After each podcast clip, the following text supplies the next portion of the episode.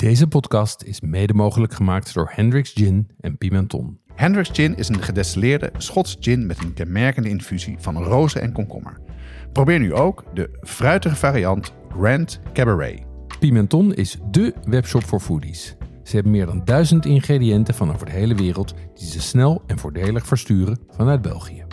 Ook bij ons geldt geen 18, geen alcohol. Jeroen, wat was voor jou een eh, hele memorabele kerst?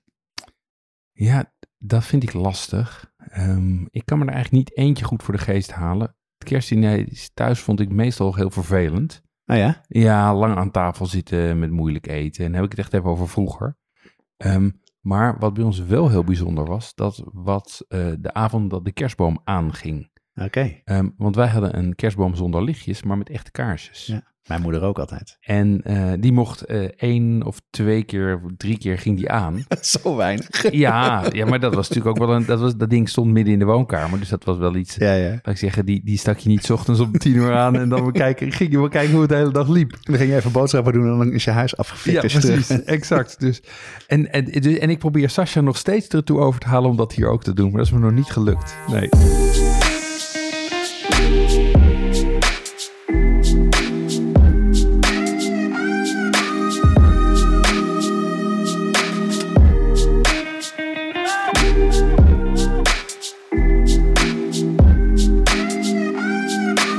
Watschaf de podcast gaat over lekker eten en drinken, zelf koken en buiten de deur eten. Het is voor iedereen, van het beginnende tot de ervaren thuiskok. Elke aflevering starten we met een drankje. Dan bespreken we onze culinaire ervaringen. En staat één onderwerp centraal. Deze aflevering gaat over het Britse kerstmenu. Ehm, we gaan het hebben over eh, hoe wij zelf kerst aanpakken. Ehm, waarom wij, of eigenlijk ik, Jeroen, voor een eh, Brits thema kies. Ehm, en welke gerechten er in het menu zitten. Ja, en we gaan het hebben over, we, over de kookboeken die we daarvoor gebruikt hebben. We zullen wel wat meer uitleggen welke regels we onszelf hebben opgelegd. Want ja, als je ons een beetje kent, daar houden we van. Ehm, Jeroen gaat uitleggen waar hij tegen aangelopen is met de gerechten.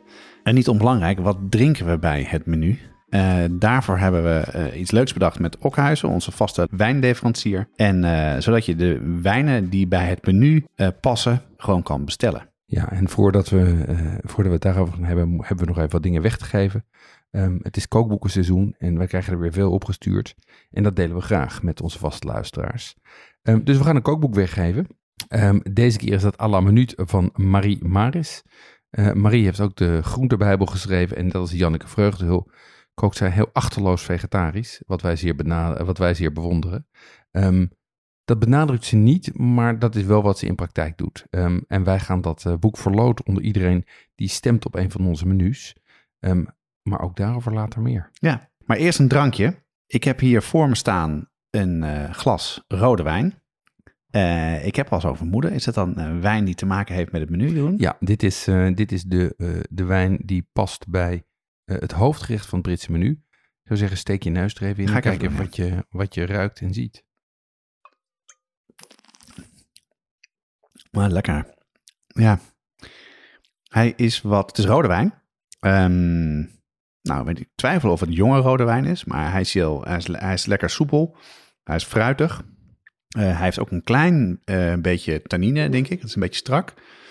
Ehm, het lijkt wel een beetje op een wijn die ik vaak lekker vind. Ehm, maar ik weet niet zeker of het klopt. Want wat voor een druif is dit? Dit is een, eh, dit is een Syrah. Ja, precies. Eh, dat dacht ik al een ja, beetje. kom je veel tegen in de Rhône. Ja, daar- dat is een van mijn favoriete wijnen. Ja.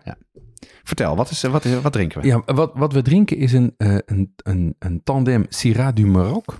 Of zo een Marokkaanse wijn. Echt waar? Ja, ehm, en die wordt gemaakt door een, door een wijnmaker uit de Noordelijke Rhône. Samen met een, een man uit Marokko. Die zijn elkaar tegengekomen.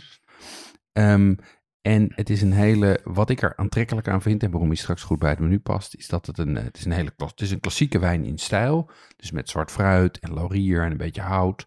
Ehm, maar hij heeft ook iets meer zoet dan je meestal krijgt. Ik bedoel, hij, is nog, hij is nog steeds droog, maar een, een restzoetje. Ehm, en hij is heel elegant. En hij past heel mooi bij het hoofdgerecht dat we hebben. En bovendien is het geen Franse wijn, Want bij een Brits menu willen we natuurlijk geen Franse wijn. Gewoon allemaal Engelse wijnen, toch? Hoop ik een beetje op. Nou, die schijnen heel goed te zijn. Ja, ja, ja, precies. ja. Nou, ik ben benieuwd of we die gaan drinken. Of die bij het menu gaan komen. Nee, maar wat ik lekker eraan vind. eh, Want wat ik, Shiraz vind ik een hele fijne... Ja, het is een... Nou, makkelijk wil ik het niet zeggen. Maar het is... eh, je drinkt er makkelijk een glas van. Ja. En, maar wat ik hier wel aan merk, is dat hij... eh, hij heeft ook iets heel warms. Het is ook een lange afdronk. Ja. lengte, zoals jij, zoals jij dat zou zeggen. Ehm, maar ik proef het nog steeds. En er zit toch op een gegeven moment wordt een soort van warme gloed krijgt hij. Dat vind ik wel, dat heb je minder met, met die uh, Rhônewijn. Die zijn vaak wat, kunnen wat zuur zijn of wat heel overdreven stevig. Ja, hij, heeft, hij, is, hij is iets, eh, hij is iets eh, in dat, dat, dat is natuurlijk een deel dat de rest zoet. Ehm, maar die warmte kan ook gewoon zijn omdat we al de halve fles op hebben, Jonas. Dat, Stil, stil. Goed. Nou, daar, wat, wat, heb jij, uh, wat heb je nog gedaan de laatste tijd, Jeroen? Ja, nou ja, over halve flessen gesproken. Um, ik, heb, um, ik heb eindelijk de alcoholvrije variant van de Christmas cake uitontwikkeld. Ah, leuk. Um, daar hebben we het vorige keer al even over gehad en dat hebben we vorig jaar ook over gehad. En de grote worsteling daar was eigenlijk twee dingen. Hoe zorg je ervoor dat je, waar ga je die uh, zuidvruchten in, in weken? Ja. En hoe ga je hem dan uh, voeren? En ik heb ervoor gekozen om hem niet te voeren maar om het inweken dus wat later te doen dan normaal. En ik heb een soort van mix gemaakt van uh, uh, lapsang souchong, hibiscus, orgeat, dat is uh, amandelsiroop, maple syrup en wissin. En dat is die alcoholvrije whisky die we ook hadden met Janneke. Ja, ja waar, Jan, waar jij een hele lekkere alcoholvrije cocktail mee had ja, gemaakt. precies. En, en dat, dat smaakte heel goed. Die staat nu te rijpen, dus ik ben heel benieuwd hoe dat is gegaan. Hey, en waarom wat later dan? Waarom doe je niet hetzelfde proces als, uh, ja, als je met alcohol doet? Nou, omdat ik me, omdat ik me toch wel afvroeg hoe het zou zitten met de houdbaarheid. Ah, ja, um, want je loopt natuurlijk, als je er geen alcohol in doet, loop je meer kans op schimmels. Of uh, en vooral schimmels is denk ik kwetsbaar ah, ja, hierbij. Natuurlijk. Dus, um, dus ik heb hem, ben hem wat, laat, hem wat later gemaakt en neem daarmee op de kop toe. Op de koop toe dat hij dus wat minder kan rijpen. Verder? Um, ja, helemaal aan de andere kant van het spectrum um, zijn wij, uh, zijn, wij uh, een, een, een, paar weken geleden ontzettend verwend met een enorme batterij digestieven. Um, uh, door een luisteraar, Werner.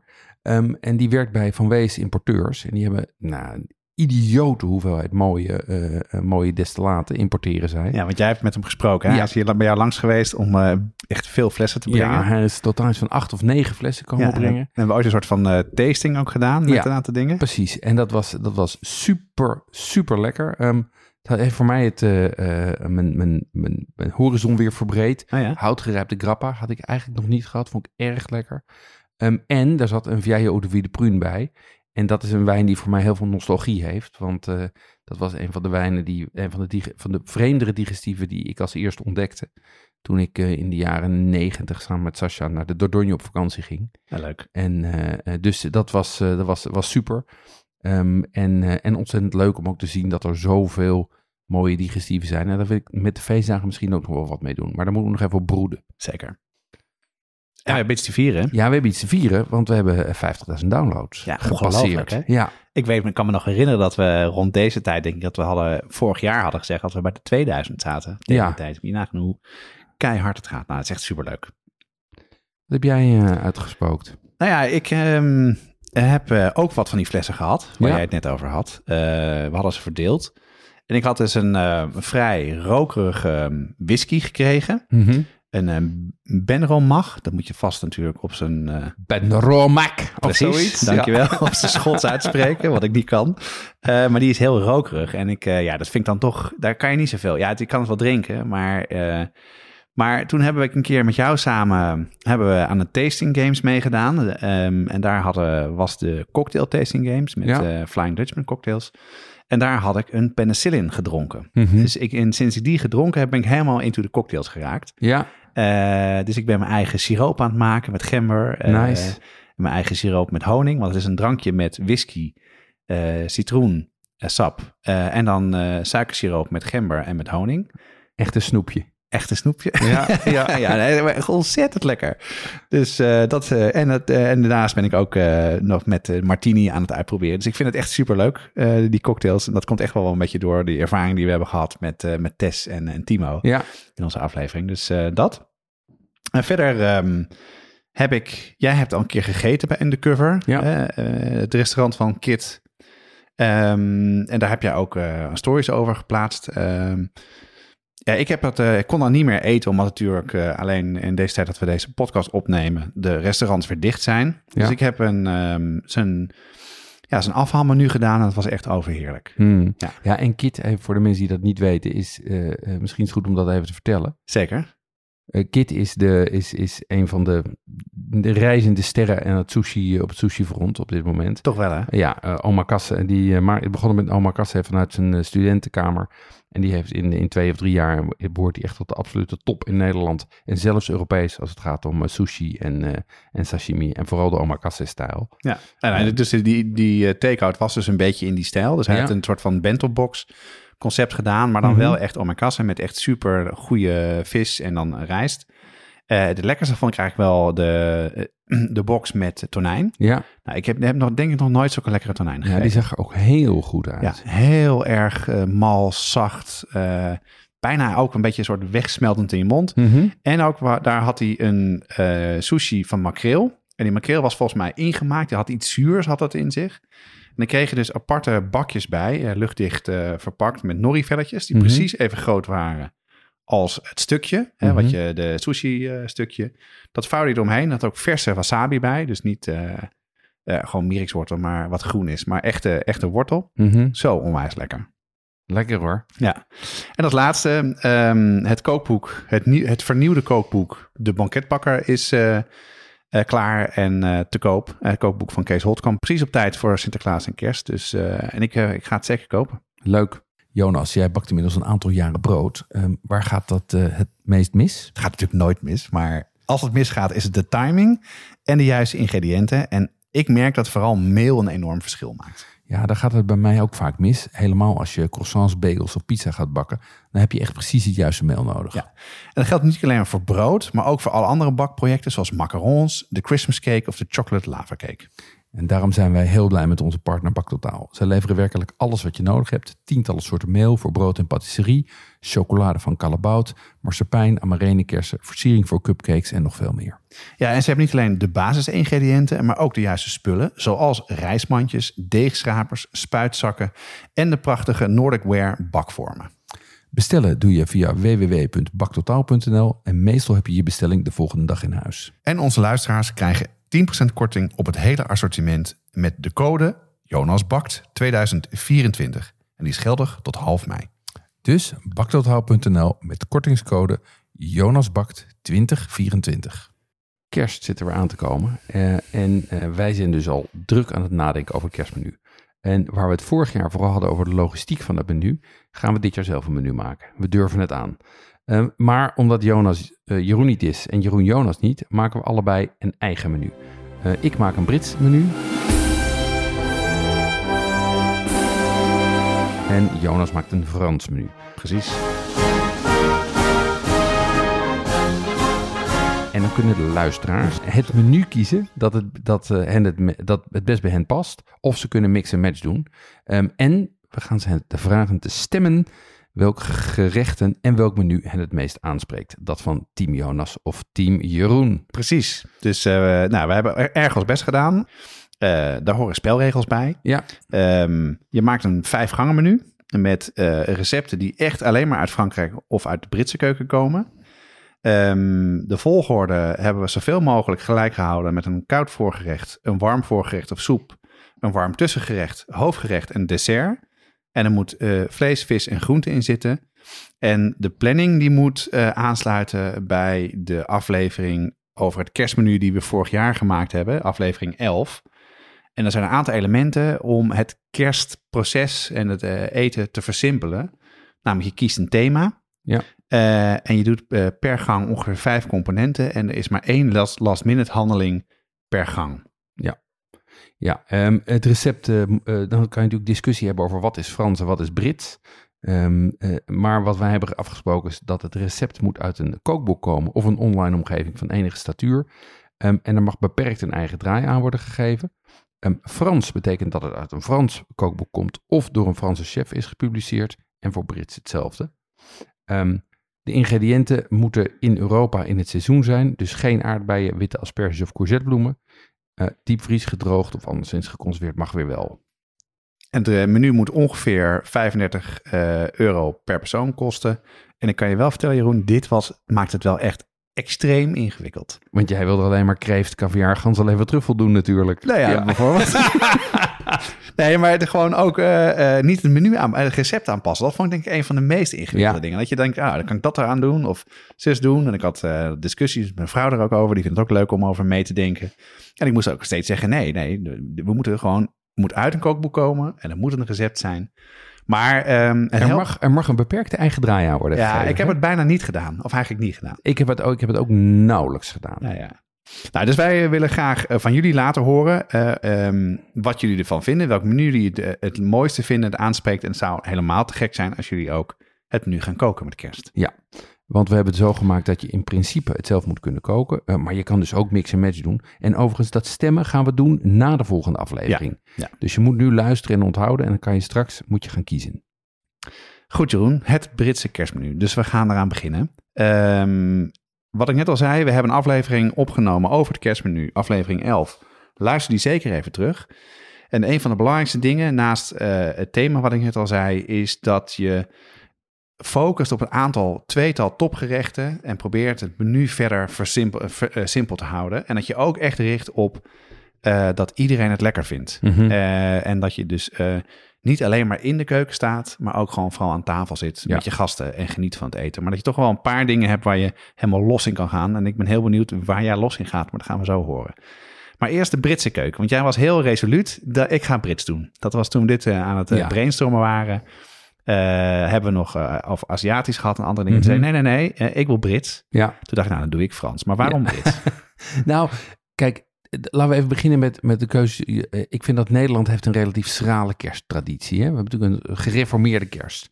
Ehm, en, en we hebben de Jeroen. Ja, en we, en we hebben de concurrentie van Sinterklaas. Dus kerst is hier is eigenlijk een wat, wat minder groot dan in, in onze buurlanden. Minder groot dan in, in, zeker, dan in Zweden of dan in Duitsland of dan in Frankrijk of dan in Engeland. Ehm, en door films en televisie wordt de invloed van de, de Anglo-Saxische kersttraditie steeds sterker. Dus daar, dat, daar leer je steeds meer van. Dat herkennen mensen ook eh, eh, steeds beter. Ehm, en ehm, dan vind ik de Amerikaanse kerst vind ik net te plat. Bovendien, cocoon, ik heb het geprobeerd, maar it's just not my thing. Ehm, maar, heel belangrijk, eh, er is dit jaar een heel fijn kerstboek, kerstkookboek verschenen. Het Downton Abbey A Christmas Cookbook. En daar, daar ben ik helemaal verliefd op geworden. Ja, dat weet ik. Daar heb je, daar heb je het vaak over gehad. Ja, Was dat voor jou dan ook de aanleiding om dat, om, uh, dat kookboek en ook uh, Brits als thema te kiezen voor deze koek voor kerst? Nou, ik vond dat heel inspirerend. Um, uh, en, want ik vind het ook een ontzettend leuk boek. Um, het, het, is geschreven door Reguleur IJzerwijn. Ja? Zij is een, een, een Belgische foodhistorica.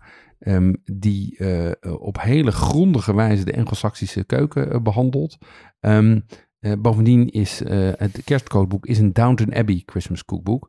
Uh, en Sasha, mijn vrouw, is groot Downton Abbey fan. Ja, ik ook. Um, We kijken het ook al. Altijd al gekeken. Nou ja, dus zij is Downton Abbey fan, ik ben Regula fan. Ja, als je dan een kerstkookboek krijgt geschreven door, uh, door Regula is de keuze snel gemaakt. Ja, ik hoor het muziekje al zo op de achtergrond. Ja, ik hoor het ja. belletje gaat al nou, voor de butler. maar ik dacht dat jij meer boeken ging kiezen. Uh, ga je alles uit dit, uit dit kookboek maken dan? Uh, nee. Dat was de regel, meer kookboeken. Ja, dat, dat heb ik, d- precies. Nou, dat heb ik ook wel gedaan. Um, want uh, wat, wat je van Regula mag verwachten, is dat het heel erg klassiek en uitgesproken ja. is. Um, en daarvoor is het eigenlijk net te uitgesproken. Want je moet ook wel iets hebben wat iedereen lekker vindt. Um, bovendien is en waarom het, te uitgesproken dan? Um, Qua omdat, Engels eten? Nou, vooral eigenlijk in de ingrediëntkeuze en ook gewoon in de sheer amounts. Want het ja. is ontzettend veel vlees, veel gebraad, heel veel pastijen. Eigenlijk gewoon te zwaar. Oké. Okay. Um, en dan is er nog iets praktisch. We willen graag de recepten delen. En de uitgever van het Downton Abbey kookboek deed daar moeilijk over. Um, uh, en toen dacht ik, ja, met die twee dingen in het achterhoofd, dan laten we dat gewoon schieten. Dan doen we een paar uit het boek van Regula, die we kunnen gebruiken. Um, en uh, uh, ik heb nog een aantal favorieten uit mijn eigen bibliotheek erbij gepakt. En welke heb je gebruikt dan? Ja, vooral Rick Stein en Delia Smith. Ja, leuk. Ehm, en dat zijn natuurlijk de klassiekers. Eigenlijk nog de generatie voor eh, eh, Jamie. Zeker weten. Ehm, en, en Jamie vind ik eigenlijk al vaak te internationaal.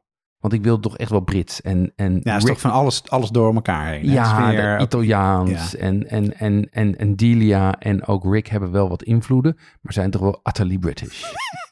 En daar heb je het bij gelaten of heb je nog andere gebruikt? nou, ik, er, is, er kwam nog hulp uit onverwachte hoek natuurlijk. Ik had, een, ik had nog een joker, want ehm Yvette van Boven is natuurlijk ook Iers. Zeker weten, ja. en, die heeft daar eh, gewoond. ja, precies. Ze daar nou heeft daar een geboren? huis. Ja, volgens mij wel is ze er geboren. Volgens mij Ja, heeft ze daar nu ook een huis. Haar jeugd heeft ze daar doorgebracht, dat Ja, weet ik zeker. En ze heeft, volgens mij had ze eerst een huis in Parijs, nu een huis in Ierland. Dat geeft wel aan dat als je je culinair ontwikkelt, dat je op een gegeven moment die switch maakt van Frankrijk naar Engeland. We zullen zien, eh, nee, en wij zijn sowieso Yvette-fans. Eh, eigenlijk al sinds haar restaurant aan Amstel had. Dus ik, ik val terug op eigenlijk die boeken. Leuk, dat zijn, dat zijn eh, leuke kookboeken. Ik ben benieuwd welke gerechten je daaruit gaat eh, kiezen zo. En, eh, en welke wijnen je daarbij hebt bedacht. Want eh, je hebt contact opgenomen met eh, Xavier van eh Okhuizen. En met hem samen een speciale box gemaakt. Hè? Die past bij alle gerechten. Ja, ja, wat we hebben gedaan is, we hebben beide gerechten die we hebben uitgekozen, hebben we, hebben wijn uitgezocht. Ehm, en eh, daar heeft Xavier een box van gemaakt, de speciale Watschaf de podcast box. Een beetje geïnspireerd door het succes van eh, eh, de, de chili paper box. Dachten we van, laten we dan ook een wijnbox doen. Ja. En die kan je dus eh, straks bestellen tegen een speciale Watschaf de podcast prijs. Ja, en wat misschien weten de luisteraars dat niet. Maar die chili box was echt een mega succes. Hè? Ja, gigantisch. Ja, veel Gigantisch. mensen hebben het gekookt, heel veel mensen besteld. Dus Ja, nog steeds. Leuk om te zien, ja. Nou, genoeg geluld, Jeroen. Eten. Ehm, vertel me nou wat je menu is. Eh, en ik denk dat het slim is om het gang voor gang te doen. En dan uit te leggen welk kookboek je daarbij gebruikt hebt. En vooral ja, licht een aantal dingen toe. Het gerecht of, of ingrediënten wat dan ook. En dan zullen we aan het einde van, eh, van eh, alle gangen nog één keer het hele menu in zijn geheel benoemen. Yes. Ehm, ik begin met een whisky cured salmon with beetroot en blinnies. Alright. Yes. Ehm, en, en wa- en waarom kies ik daarvoor? Nou, gerookte zalm is een klassieker bij ons thuis. Eh kersen gaat toch over tradities en klassieke keuzes. En, en lang voordat je bij elk eh, pompstation een broodje gerookte zalm kon eh, kopen, leerde mijn vader mij al gerookte zalm kennen. En dat was voor hem ook het moment van kerst. Toen was het ook nog schrikbarend duur. Ja, en heel erg chic, hè? Heel erg chic. Ja, ik kan ja. me nog herinneren. Ja, en ik vond het ook echt wel heel erg lekker. Ehm, Hoe heb je het gemaakt? Hoe ga je Ja. het maken? ja, ik heb, ik heb gekozen voor een versie die niet is gerookt, maar gepekeld. Oké. Ehm, eh, en eigenlijk Grappig. is het een soort gravat lax, maar dan met whisky. Oké. En dat is natuurlijk ook heel Brits. Ja. Dus, er zit een, eh, eh, dus dat is de zalm. Ehm, daar doen we dan klassieke eh, eh, blinis bij. Ehm, dat is ook een mooi excuus om er een lepel caviar op te doen. Maar die is optioneel, want die past er niet in het budget. Ik wist het. ik Ja. wist het. Ehm, en, en daarbij bietjes. Ehm, Wel eh, lekker. En die zijn eh, koud en een beetje zoetzuur. En dat is helemaal in het seizoen. Ga je die ook roken of, of juist niet? Nee, gewoon alleen, eh, alleen koken. En die kook je in een, in een mengsel met rode wijnazijn en een klein beetje uh, aalbessenjam. Oh, wauw. Lekker. Ja. Ja. Ehm, en wat ik ook wel belangrijk vind, is dat hier ook groente in zit. Want ik probeer toch altijd zo'n menu, zeker zo'n Brits menu, een beetje wat lichter te houden. Want anders dut ik halverwege in. Als het alleen maar zwaar is in rode wijn, dan word ik als een Ja, oude dan- man. Dan- ik, ja. Val je met je hoofd op, de, op het bord. Nou, wat heb je daarbij uitgekozen qua drank? Want ehm, nou, Ja. dat is best wel... Ik bedoel, het is vettig, eh, het is rokerig. eh, misschien zit er wel iets heel zouters qua caviar bij. ja, Het is best een complex eh, gerecht om een wijn mee te doen. Wat heb, wat heb je daarbij bedacht? Ja, waar ik, waar ik dan ben op uitgekomen is, ehm, is de Gemische Zat Breiten Pugertorf. Het is, een- is niet, uit, eh, niet uit Frankrijk. Nee, het is een Oostenrijkse wijn ehm, van Ingrid Groys. Oh, dat hebben we wel eens vaker over ja, gehad, toch? dat klopt, dat klopt. Die hadden we ook eh, bij onze aflevering met Kit over sushi, Oh ja. waar we het net al even over hadden. Ehm, en het is een hele elegante en veelzijdige wijn, ehm, die met, Oh, bestaat uit 13 verschillende druivensoorten. En die allemaal een eigen gezicht hebben. En daardoor kan je enerzijds het vet van de zalm balanceren. Maar hij kan het zoetzuur van de bietjes ook hebben. En, niet onbelangrijk, het is geen Franse wijn. Want dat heb ik wel geprobeerd om de wijnen hier vooral buiten Frankrijk te zoeken. Ja, nee, ik kan me nog herinneren dat we die gedronken hebben Ja. bij de aflevering over Kit. Het is inderdaad fascinerend dat je een wijn kan maken met, met zoveel verschillende druivensoorten en Exact. zo uitgebalanceerd. Nou, dat lijkt me heerlijk. Wat wordt dan de volgende gang, Jeroen? Wat is de tweede gang? De warme voorgerecht, toch? Het, ja, het warme voorgerecht ofwel de soep. Ehm, ik heb een heel mooi eh, eh, gerecht gevonden in eh, Yvette van Boven's kerstkookboek. Oké. Ehm, want in, ik denk in 2017 heeft zij een, een editie van Home Sweet Home uitgebracht, namelijk de Home Sweet Home Christmas Edition. Ehm, en dat is een boek met allemaal feestelijke gerechten in kerstsfeer. Nou ja, eigenlijk zijn het gewoon typisch van boven gerechten. eh, met een beetje een ruw randje en een aantal heerlijke kerstplaatjes tussendoor. Dus dat, is een, dat vond ik een heel leuk en aansprekend boek. Ehm, en eh, ik heb een, eh, wat ik heb uitgekozen hier is een wilde paddenstoelensoep met hazelnoten. Dus je kiest voor een soep en niet voor een warm voorgerecht. En waarom, waarom dan eigenlijk? Ja, eigenlijk ben ik, eigenlijk ben ik niet zo'n soepman. Ik maar ook namelijk niet echt. Nee, ik ook niet. Maar in een groot menu vind ik het vaak een ideaal opstapje van de voorgerechten richting de tussengerechten. En waarom dan? Wat, wat, wat, waarom is dat? Omdat het, omdat het toch wat lichter is Ja. en omdat het wel warm is, maar dat het in structuur nog, nog heel eh, toegankelijk is. Ja, het kan wel heel erg smaakvol zijn, hè? En dat Ja, lijkt me met dit gerecht ook wel, denk Dat ik. is het. En, en logistiek is het ook praktisch. Absoluut. Want je kan gewoon een grote pan opwarmen en dan uitlepelen. Garnituur eroverheen en klaar. Ehm, en, en dat gaat dan, toch weer terug naar die, die eh, logistieke vragen. Van ja, je wil een aantal gerechten hebben waar je op kan knallen. En een aantal gerechten die gewoon makkelijk tussendoor kunnen. Ja. En deze past eh, voor mij in die laatste eh, serie. En bovendien is het een vegetarische soep. En je hoeft dus niet een spe- speciale vegetarische variant te maken als je vegetariërs aan tafel hebt zitten. En hoe maak je het dan? Wat, leg eens kort uit. Ehm, ja, je, ma- je maakt hem eigenlijk heel simpel door gedroogde en verse paddenstoelen te weken en die pureer je. En die garneer je met wat hazelnoot. En dan geen bouillon, dat soort dingen. Ja, daar gaat ook bouillon door, ehm, maar ook een, je kan natuurlijk een deel van die paddenstoelenbouillon gebruiken. Ja, maar de smaak komt vooral van eh, verse en gedroogde paddenstoelen. Lekker. Eigenlijk is gewoon verse gedroogde paddenstoelen blenden met bouillon. En dan drink je geen wijn bij, hè? want dat hoort niet bij soep. Nee, dat doen we toch. ja, nee, kijk. Wat, je, wat ik, dat klopt, dat hoort ook niet. En ik vind dat als je een bouillon doet, weet je, een osselstaartsoep of een consommé, dan is het ook gek. is te licht dan, hè? Ja, dan is het te licht. Maar dit is toch een hele vrij stevige Ja. soep. En mensen vinden het wel lekker om iets door te drinken. En anders krijg je dat mensen ofwel de witte wijn blijven doordrinken, of eigenlijk al naar de rode wijn van de volgende gang willen.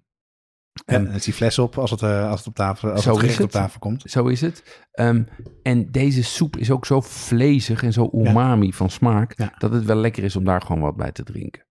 En wat, heb, wat, eh, wat drink je er dan bij? Nou, ik heb gekozen voor een eh, Viognier uit de uh, Pédoc van Domaine Dupont Faan.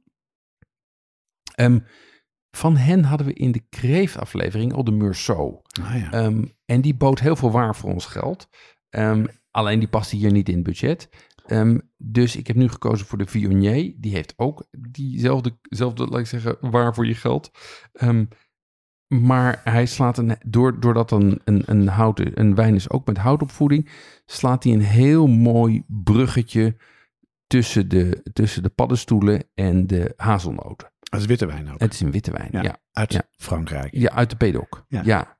Ja. maar de Pédoc is natuurlijk eigenlijk een soort van jarenlang van de Qatar. Nou, anyway, ja. Goed, Nou we ja, gaan door. Oké, dus we hebben de eerste twee eh, ehm, gehad. Relatief simpele gerechten. Dus ik voel een beetje aankomen dat er een knaller aankomt. Ja, nu gaat het gebeuren. Wat is je, wat is je, eh, je warme tussengerecht? Hè? En even met nadruk op tussengerecht. Klein, klein tussengerecht. nee, kijk, nu begint het echte werk. Dit, dit was allemaal inleidende dacht al, beschietingen. dacht Ja. al zoiets, ja. Ehm, vaak vind ik het warm tussengerecht het creatieve hoogpunt van het menu. Ah, ja? En daar kies ik bewust voor. Ja. Oké, Want dan- niet het hoofdgerecht. Kijk, het hoofdrecht, dan zit je vaak al zo ver het menu in. Ja, dat is waar. ja. Heb je al zoveel, zoveel wijn achter je oren zitten, eh, dat dat dan toch iets meer op volume gaat. En eh, met het voorgerecht zet je de toon neer. Ja. En met het warme tussengerecht laat je echt zien wat je kan. Leuk. Ehm, En nou, dus, wat, wat heb je gekozen? Ja, vaak zou ik voor vis kiezen. Maar hier ga ik full British met de Yorkshire Christmas Pie. Ik ben heel benieuwd. Ja, dat is een heel, heel klassiek gerecht dat de Britse adel al eeuwen met kerst serveert. Ja, dus bij eh, eh, Lord Cranton. Ja, exactly. Lord Trenton, waar ze jou wel eens mee vergelijken. Eh, ja, dat is waar, luisteraars. Ehm, eh, het is een pie, dus feitelijk een hartige taart. Ja. Die is gevuld met vlees en gevogelte. Ehm, en volgens het recept bouw je hem op in lagen, kalfs gehakt en dan filets van achter elkaar. Hou je vast. Kwartel, patrijs, fazant, kip en haas. Dat meen je niet. En daartussen zitten plakken bacon. Ja. Deze past niet in het vegetarisch repertoire. Dus ik- het is ook echt zo'n niet in slaapvaller gerechtje. Waar, welk boek heb je hiervoor gebruikt? Dit komt uit het boek van, eh, eh, van Regula. Eh, en het grappige is, het staat in het Nederlands. Staat het in, in het Brits bakboek. Ja. En in het Engels staat het in de Downton Abbey Christmas Cookbook. Maar goed, jij hebt het over zoveel verschillende soorten eh, vlees. Dat Ja. klinkt bijna als dat verschrikkelijke Amerikaanse gerecht. Ik weet, heet het de turducken? Dat je dus een... De turducken. ja, Dat, je een, dat je een kalkoen hebt waar een kip in gaat, waar een patrijs in gaat en waar nog iets in gaat, Ja. toch? Dat, dat, wordt Ja. echt... Dat klopt. ja? Nou, het grappige is, Dat lijkt me heel veel. Heel... klassiek, de traditionele Christmas pie bouw je ook zo op. Die doe je eigenlijk op dezelfde manier. Dus een kwartel in een patrijs, in een fazant, in een... Ja, Jezus. en dan deeg eromheen. Ehm, de variant van, van regular hier is iets eleganter met filets, maar de, Ah, de, de achtergrond is hetzelfde. Oké, dus dit heeft wel de traditie, maar het is wat moderner en er zit dus, het is ook daardoor ook wat, wat, wat lichter Ja, waarschijnlijk. ja, wat lichter ehm, en wat, wat eenvoudiger te maken, hoewel het nog steeds ingewikkeld is. En overigens is het ook nog een hele uitdaging om, dat, om daar een goede vorm voor te vinden. Hoezo dan? Ja, dit hoor je te maken in een game pie mold. Wat is dat dan? Een game pie mold is een vorm die meestal ovaal is of rond, die Ja. rechte hoeken heeft en die je dus ehm, waarin je eh, zo'n zo'n eh, ehm, pie kan bakken. En als je op 80 of 90 procent van het bakproces bent, dan haal je hem uit elkaar en dan bak je hem zeg maar vrijstaand af. Oh, En daardoor kleurt de zijkant Oh, ook wauw. mooi. Ja, maar die vormen, nou dat is technisch natuurlijk nogal een ingewikkeld ding ehm, en zijn niet heel gangbaar. Dus die zijn schreeuwend duur. Serieus? Echt. Wat is duur dan? 120 euro? Ja, dat meen je niet. Ja. En die heb jij gekocht? Voor, nee. Nee. Hoe heb je want dat? Ja, nou, ik ben op zoek gegaan. Eerst in Engeland bij een aantal leveranciers. Ehm, eh, maar uiteindelijk kwam ik eh, via een van onze luisteraars terecht bij uh, Good Old Duikelman. Ehm, en daar heb ik met de inkoper gesproken. En dat was, die was super aardig. Die is echt op zoek gegaan naar iets voor Oh, ons. serieus? Ja, en die stuurde meteen via WhatsApp, dit zou je kunnen gebruiken en dit zou je kunnen gebruiken. En overwe- eh, die gaf ook overwegingen. Die vertelde ook dat het nonnetje in, eh, in Harderwijk eh, er ook met dit soort dingen bezig is. En die vertelde over een leuke pastijbakkerij. Dus die gaf ook een aantal pointers voor andere mensen die ermee bezig zijn. Wat leuk zeg. Ehm, en uiteindelijk heb ik in overleg met hem gekozen voor een paté aan kroetvorm. Voor de mensen die niet weten wat de Duikman is. Ja. Duikman is, eh, nou denk ik, toch wel de kookwinkel in Nederland. Maar Amsterdam in ieder geval. Ja, maar ze hebben ook, eh, ook vestigingen volgens mij in, eh, in Maastricht. En ook in, in Den Haag volgens mij ook. Ja. Dus, en waar ook vooral de horeca ook koopt. Hè? Dus alles wat je, wat je kan bedenken, kan je daar bijna kopen of kan je bij ze bestellen. Ja, ja, en ook als je bij, en ook in de aflevering van Holtkamp, die, als die dingen niet had, ging je ook, gaat Ja. ook bij Duikelman op zoek. Ja.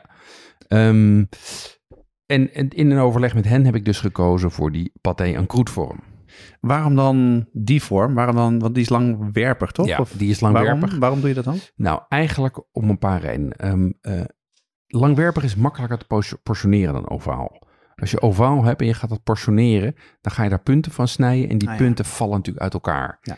En dat is natuurlijk toch gewoon minder aantrekkelijk. Het is spectaculairder om op tafel te zetten, Ja. maar vervolgens als je er dan in gaat snijden, krijg je een beetje hetzelfde als met een appeltaart die uit elkaar valt. Krijg je toch een beetje zo'n zo'n zo'n zielige binnenkant. En dat wil je hier niet. Ehm, daarbij is het zo dat je kan een paté aan kroetvorm wel gebruiken voor een pie, maar een pie niet goed voor een paté aan kroet. Dus het is gewoon minder veelzijdig. Ja, en het was ook gewoon een financiële overweging. Eh, Een pievorm kostte minimaal 120 euro. En een paté aan kroetvorm kostte eh, iets meer dan de helft. Oké, dus die, die, ga je, die heb je nu besteld. Die over anderhalve week verwacht ik eh, dat die binnenkomt. Ehm, en ik zal even op Instagram laten zien, want dan ga ik ook proefkoken. Ik heb Ah. inmiddels ook de halve kinderboerderij besteld om, om te maken. Ja, al die vogels, ja. Ik ben echt heel erg benieuwd. Dus bewaar een stukje van mij, Joen. Als je, als dat zal maakt. ik doen, dat zal ik doen. Nou, bij deze eh, bomknaller. Dit is, Ja. echt, dit is echt puur Brits, hè? Eh, Brits wat je nu... eh, Utterly, utterly British. Ja. nou, wat voor een utterly British wine gaan we hierbij drinken? Nou ja, ik had natuurlijk een claret kunnen doen. En dat, Dat is? is? de, dat, is de Ameri dat is de Engelse benadering voor, benaming voor een Bordeaux-wijn. Maar ja, ik ga natuurlijk geen Fran uiteindelijk toch geen Franse eh, Ja. wijn doen. Dus ik ben weer teruggekomen bij Oostenrijk. Maar terwijl, dat weet ik dan uit mijn research voor de volgende aflevering. Bordeaux was vroeger eh, Engels, dus eh, dat had misschien nog wel gemogen. Oh, damn. Ehm, Oostenrijk. Ik heb gekozen voor een 2018 Spätburgunder Trocken.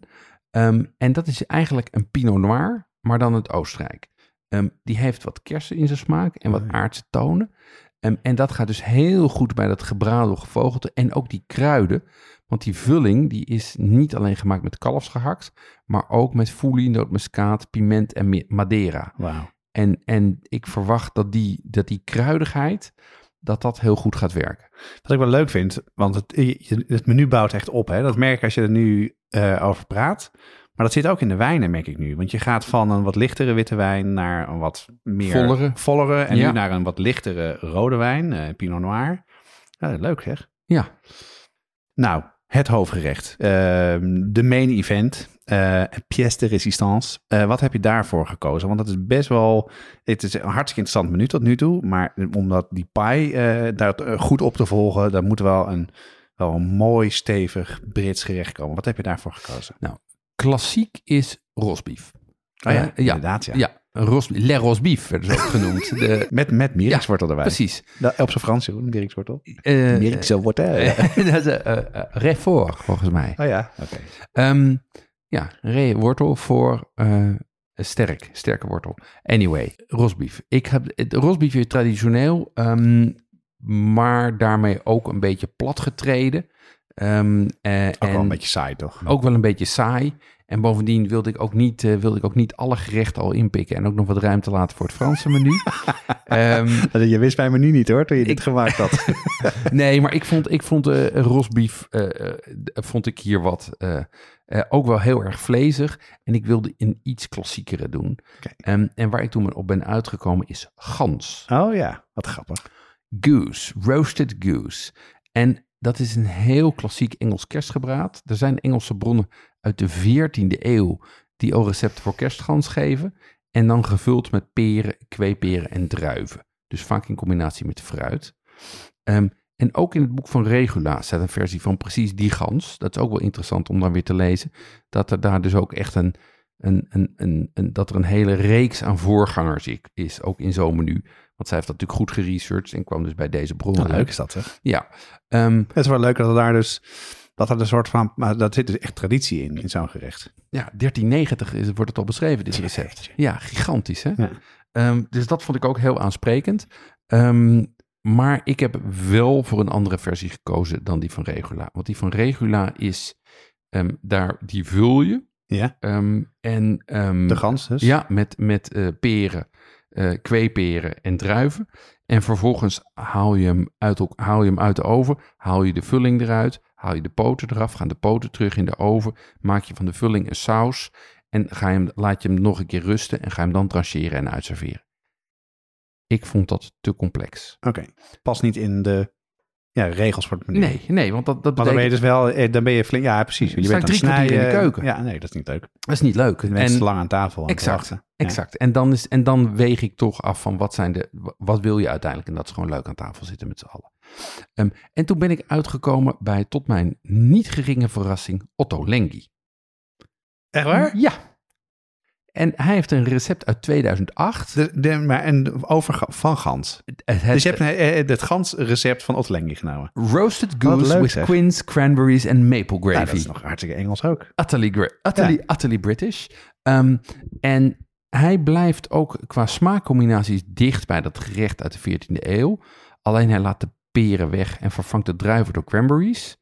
Ehm, maar de jus bevat wel kaneel en laurier. En Ah, dat vond ik ook aansprekend. Ja, dat lijkt me goed, ja. En wat hij doet, is dat hij in plaats van dat hij het, dat hij het vult, bereidt hij ehm, de, de eh kweeperen en de cranberries bereidt hij apart. En dat vond ik logistiek. En bovendien laat hij de poten eraan zitten. En dat vond ik logistiek beter dan, dat, eh, dan, dan het complexe gerecht Ja. van eh, Regula. Bij de paai had je geen ehm bijgerecht Nee. erbij. Hier wel, denk ik, toch? Ja, nou, ik, ik hou het vrij simpel. Kijk, het mooie van ganzen is natuurlijk dat er een enorme sloot ganzenvet afkomt. Die beesten Ja. zijn gemest, dus die zijn modder en moddervet. Dus daar ga ik aardappeltjes in bakken. Dat is al natuurlijk top. Dus je maakt dat we. En hoe ga je dat doen dan? Dan ga je Nou, halverwege wat vet eruit halen. Ja, zo doe ik dat. Ja, precies. Ehm, en, eh, eh, want die, die gans is dan een paar uur in de oven. Ja, en halverwege schep groot- ik dat. Ja, Het is een grote vogel natuurlijk. ja, schep ik dat eraf. Ehm, dan doe ik eh, rode kool ehm, en uh, appelselderijsalade. Hoewel ik van jou net een, een zakje eh, eh, zuurkool heb gekregen. En misschien dat ik dat ook wel doe. Ehm, Oh, ja, leuk. ja. En overigens komt die appelselderijsalade ook uit het boek van Regula. Dat is wel interessant waar je het over hebt. Want op Instagram zag ik dat jij een paar stories plaatste van het kookboek en wat opmerkingen erbij plaatsen. En toen werd je vrij snel werd je op je vingers gestikt, toch? Nou, vrij snel binnen. Ik, ik, zei, op, eh, eh, ik zei op Instagram zei ik dat, eh, dat ik dacht dat dat een, een toevoeging, dat dat recept van de appelselderijsalade een toevoeging was van de uitgever. En binnen vijf minuten had ik een reactie van Regula dat dat absoluut niet aan de orde was. Ja, dat vind ik toch wel leuk dat ze daar zo Ja, ik ben, ik ben daar dol op. Ze Ja. zei, er is maar één iemand die recepten toevoegt en dat ben ik. Eh, en ja, een vrouw naar ons hart, die, dat, eh, die gewoon zo bovenop dat concept zit. Ja, en waarom had ze die salade toegevoegd dan? Eh, aan, aan dit... Ja, omdat zij zegt, omdat hij wat verlichting brengt in het zware menu. Ehm, eh, en dat vond ik ook eigenlijk wel een uitstekende reden om op te nemen. Het is een hele simpele salade van plakjes appel, bleekselderij en een lichte romige dressing met wat verse munt. Ik kan me heel goed voorstellen dat dat wel uplifting is na deze barrage van, eh, van vogels. Ja, ja. Nou, dat, is, klinkt als een prachtig gerecht. Dus eh, een, mooie, een mooie gans, een goede saus erbij, lekker aardappeltjes en een frisse salade. En dat lijkt me best wel ingewikkeld om hier een goede wijn naast te zetten. Ja, dat was het, dat was het ook wel, maar dat is precies de wijn die, eh, die wij precies, net ja. hebben ge- geproefd. Ik, ik Ehm, stel de vraag en ik denk eraan. En, nu ik ineens die, die, die smaak herproef, denk ik, nou, dat gaat eigenlijk wel goed. Ja, dat denk ik dus ook. Want, want Er enerzijds... zoets in. dat- Hij heeft een klein restzoetje, precies. Ehm, hij heeft, eh, die kruidigheid die kan hij makkelijk hebben. Ja. Ehm, eh, die laurier en die kaneel. En hij heeft wel voldoende zuren om door het vet van de gans te snijden. Zeker weten, ja. En, en wat ik zei, die, die zwoele kruidigheid is denk ik, gaat denk ik ook heel goed. Dus, eh, dus hiervan doen we dan twee flessen in de doos. Heel goed. Maar wat ik er leuk aan vind, Jeroen, is dat het dus niet per se een hele zware wijn is. Want hij, hij, eh, het is niet een wijn waar je van in slaap valt als je daar een paar glazen van drinkt. Nee, dat was ook... Nee, maar, Twee maar- flessen wel, denk ik. Maar, Ja, maar dat, dat geldt voor alle wijnen. Ehm, nee, maar ik heb, bij alle, ik heb bij alle wijnen wel gekeken naar eh, eh, wijnen die alcoholisch ook nog een beetje aan de onderkant ja, zaten. Ja. Niet 15,5% en zo, want dan, dan kan je... ik heb een aantal familieleden die je, dan, die je dan kan opruimen voor het toetje. Nou, dat klinkt echt heerlijk, Jeroen, al die dingen bij elkaar. Ehm, het ziet er echt, het is een mooi uitgebalanceerd menu. Wat ik al zei, die wijn gaat ook mooi mee. Het is niet heel erg licht. Maar zijn we klaar? Want we zijn nu bij het laatste gerecht, toch? Nee, we gaan nu een ijsje eten. Oh, echt waar? Ja, we Ja. gaan nu een ijsje eten, maar wel tamarinde-ijs. En ook dat is een klassiek Engels gerecht. Serieus? Ja, komt uit eh, Pride and Pudding, het derde boek van Regula dat ik eh, voor mijn menu gebruik. Wat is tamarinde ook weer, voor de luisteraar? Ja, tamarinden zijn een soort eh, peulen met, met zuur aromatisch vruchtvlees, die heel lang houdbaar zijn. Ehm, de Engelsen kennen het eigenlijk sinds, eh, sinds hun koloniale tijd in India. En het, was toen dus ook een statussymbool bij uitstek, zoals zoveel specerijen. Dat is ook waarom je zoveel specerijen in die klassieke menus ziet. Grappig, hè? Want ik, ik, ik kook er vaak mee eh, met Indiaanse gerechten. Het is heel lekker, een soort fris, eh, fris aards wat het heeft. Maar met ijs had ik niet aan gedacht. Hoe, hoe werkt dat dan? Ja, nou, het grappige is dat, ehm, eh, dat die, wat je doet is je kookt, de, ehm, je kookt de peulen met de room en de suiker. En vervolgens laat je die bevriezen. Ehm, en daarmee, eh, eigenlijk krijg je dus een soort bijna chocolademelkachtige kleur, krijgt, Ah, ja? dat, eh, krijgt die room. Ja, en wat ook interessant is, is hoe regulair er ijs van maakt. Want die, heeft natuurlijk, die maakt gebruik van recepten uit de tijd dat we nog geen eh volautomatische ijsmachines hadden. Dus die heb je niet nodig hiervoor. Die heb je niet voor nodig. Nee. Oh, wat grappig zeg, ja. Ja, wat je, wat je feitelijk doet, is je neemt die room, die zet je in de vriezer en vervolgens roer je hem elke eh 30 eh, minuten roer je hem door. Oké, je moet hem wel blijven roeren om een beetje die romigheid te Ja, om krijgen. die romigheid erin te krijgen. Maar wat ik dus ook uit dat recept van Regel heb, zo maakten ze dus ook al in de 16e, 17e eeuw ijs. Ongelooflijk, hè? Dan haalden ze ijs uit de, uit de ijskelder. Die hadden natuurlijk het meeste van die, van die chique huizen hadden een Ja. ijskelder. Dan met zout erbij. En daar zette je dan die, die bak in met, eh, met room. En dan gewoon roeren. Wat grappig. Net zolang ja. tot ijs was. Ja, door de, door de butler of de kok of de kokin. Ja, nou dat merk je natuurlijk ook aan dat menu. En dat geldt ook voor die gans. Dat, dit zijn wel dingen die kan je doen als je de tijd ervoor Ja, hebt. precies, en, ja. eh, in moderne. Dus je mag dit ook gewoon in de ijsmachine maken als je die hebt. Ja. Gelukkig. En dat is het enige? Alleen ijs of er zit vast nog wat meer bij? Nee, nee, dit is een heel eenvoudig eh, dessert. Het is een, een bolletje eh, in een koep. eh, maar wel een heerlijk bolletje zelfgemaakt ijs. En zoals Regula zegt, de ongewone smaak van de tamarindes zal je tafelgasten ongetwijfeld naar een tweede portie doen vragen. Nou, dan zijn we klaar, toch? Het menu af.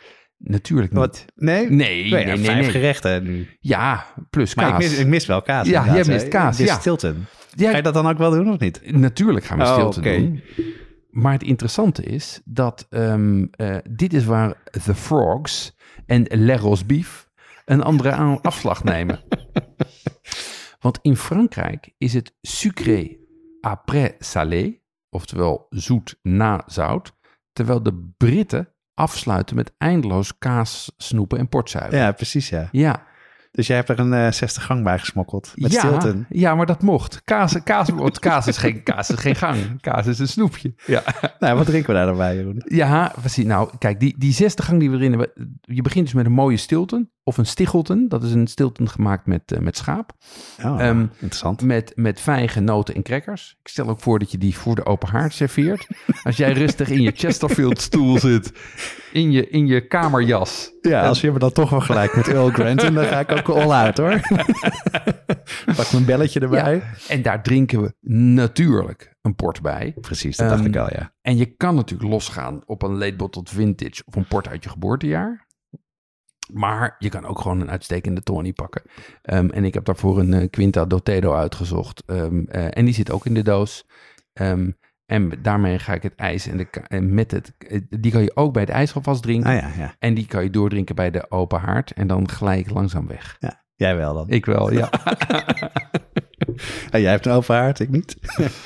hey, dat klinkt echt, echt fantastisch. Ik zou even voor de luisteraars, ga ik het nog even helemaal samenvatten. En eh, we zullen het later eh, ook op de site helemaal kunnen zetten, dat je het rustig kan doornemen. En vooral zelfsprekend komen de meeste recepten eh, op de site te staan. Of komen alle recepten op staan? Alle recepten komen Ja, alle, ja, precies, ja. Anders is het ook niet, niet eerlijk om te maken. Nou, dit is het British Christmas menu, made by Jeroen Doucet. Eh, Een whiskey cured salmon with beetroot en blinis. En daarna een soup of wild mushrooms en hazelnuts. Dan de knaller, de Yorkshire Christmas pie with pheasant, partridge, quail and other mixed spices. En dan als hoofdgerecht de main event, de roast goose with quince, cranberries en maple gravy. En daar komen red cabbage, goose fat roast potatoes en een celery en apple salad bij. Dan om het af te toppen een ice cream of tamarind. En als laatste een Chilton cheese board with a nice glass of port. Zo is het. Ehm, alle wijnen die we hebben genoemd, eh, kunnen de luisteraars dus bestellen. Ehm, hoe werkt dat, eh, Jonas? Nou, het werkt eigenlijk hetzelfde als het chili-pakket. Eh, je gaat gewoon naar onze website www.watschaftepodcast.com en daar vind je bij de show notes informatie. Dus elke aflevering heeft show notes. Daarin vind je van alles wat we daar verteld hebben. Maar onder ook leuk, een nieuw onderdeel eh, in de navigatie. Daar komt een poster staan waar dit helemaal wordt uitgelegd. En daar kan je het Watschaf de podcast een wijnpakket voor het British menu bestellen. En dan krijg je zes flessen voor 82,50 euro en eh, een bezorgprijs van 5,95 euro. Dat doen ze in heel Nederland. En er zit ook een mooie korting in. Ja, en je helpt ons er ook mee, zodat we podcast kunnen blijven maken. Absoluut. Nou, nog één keer, hoe kan je stemmen? Dat leggen we in de volgende aflevering uit. En daarin kan je ook, eh, vertellen we ook meer hoe je het kookboek van Marie Maris kan eh, winnen. Eh, dus eh wij zijn heel benieuwd wat je van het menu vindt. Luister ook over twee weken het Franse menu, wat ik heb uitgekozen. En dan zijn we benieuwd of je voor team Jonas bent of voor team Jerome. Kijk, normaal is het tijd om het vegetarisch repertoire te bespreken. Een, eh, een vegetarisch eh, recept wat je kan maken. Dat slaan we voor deze keer even over. Maar we komen daar zeker in een andere aflevering wat uitgebreider op terug. Deze podcast wordt gemaakt door Jonas Nouwen en mijzelf, Jeroen Doucet. De online productie van de show notes en recepten door Corianne van Dodewaard Straathof. Reacties kun je sturen naar jeroen.watschaftepodcast.com of jonas.watschaftepodcast.com of je stuurt een DM via Instagram, Facebook of Twitter. Eh, elke twee weken op donderdag staat er een nieuwe aflevering klaar. En je kan je aanmelden voor onze nieuwsbrief. Eh, zo krijg je informatie als die aflevering live staat. Maar daarin komt ook steeds meer eh, nieuwe informatie te staan over hoe je boeken kan winnen. En bijvoorbeeld het uh, Watschap Podcast Wijnpakket. Help ons door de podcast door te sturen naar één iemand waarvan je weet dat hij ook van lekker eten of drinken houdt. En laat ook een review achter. We vinden het echt ontzettend leuk om jullie reacties te horen en te horen wat je ervan vinden. Hebben we nog een leuke reactie gehad, Jeroen?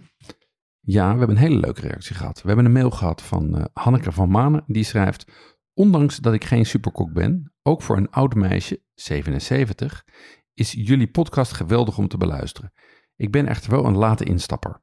Door de coronadreiging zoveel mogelijk het vertier binnenshuis zoekende, ben ik OA frequent op de home trainer beland om krakende spieren en botten toch nog enigszins soepel te houden. Wat leuk. Ik haat deze exercitie echt al. Om de tijd erop te kunnen uithouden, ben ik aan de podcasts geraakt. Zo heb ik WhatsApp de podcast ontdekt en nu wil ik die fiets haast niet meer af. Ik ben bij jullie eerste aflevering begonnen en heb nog lekker veel te gaan. Jullie insteek spreekt mij geweldig aan. Jullie plezier en enthousiasme spat ervan af. Fantastische samenwerking ook. Nou, wat hartstikke leuk. We hebben ook nog een hele leuke ehm, reactie gehad op Apple Podcast eh, van een nieuwe sloot met als titel Heerlijke diepgang en vijf sterren. Dankjewel. Jeroen en eh, Jason, Jonas denk ik, zorgen zelfs voor op het eerste oog doodeenvoudige gerechten voor een heerlijke diepgang. Genoeg inspiratie voor mijn appeltaart, saté, gehaktbal, chicken masala en risotto. En met de ultiem gebraden kip zijn ze er in hun zoektocht nog niet helemaal uit. Dan nog maar een uitzending. Een zwaktebot? Nee, integendeel. Ze blijven hiermee ver weg van enige vorm van bedwetigheid, zoals bijvoorbeeld de presentatrice van Manchara betacht. Hoewel, kijk uit voor te veel tijdsbesteding aan een drankje. Als het wijn betreft, als ik zelf meeproef, kan ik deze verdieping hebben. In de kipaflevering vond ik het too much. Ik deel met jullie snel mijn nieuwe versie van een brain low en slow barbecue gebraden kippetje met krokante korst. Dankjewel, mooie reactie. Tot de volgende keer. Tot de volgende keer. Thank you.